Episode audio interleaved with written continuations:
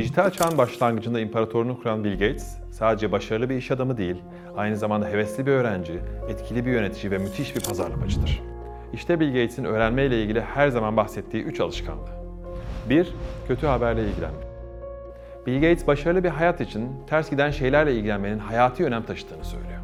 Kötü haber, eğitiminizde veya hayatınızda sizi dibe çeken veya kafa karışıklığına yol açan noktalar olabilir. Size sıkıntı veren alanla başlayın ve neyi bilmediğinizi tanımlayın. Kötü haber eksik veya başarısız olduğunuzda değil, bir şeylerin farklı yapılması gerektiğine işaret eder. 2. Hatalardan öğrenmek. Bill Gates, başarı kötü bir öğretmendir diyor. Herhangi bir hata yaptığınızda neyi nasıl yaptığınızı, sizi ona sürükleyen düşünceyi ve onu değiştirmek için neler yapabileceğinizi gözden geçirin.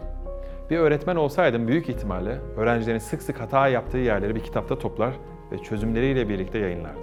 Hata yapmak öğrenmenin bir parçasıdır. Sürekli aynı hatayı farkında olmadan tekrarlamak öğrenmemenin. 3. Kendini değerlendirmek ve hedefine odaklanmak. Bill Gates düzenli aralıklarla geri çekilin ve yaptığınız işi değerlendirin diyor.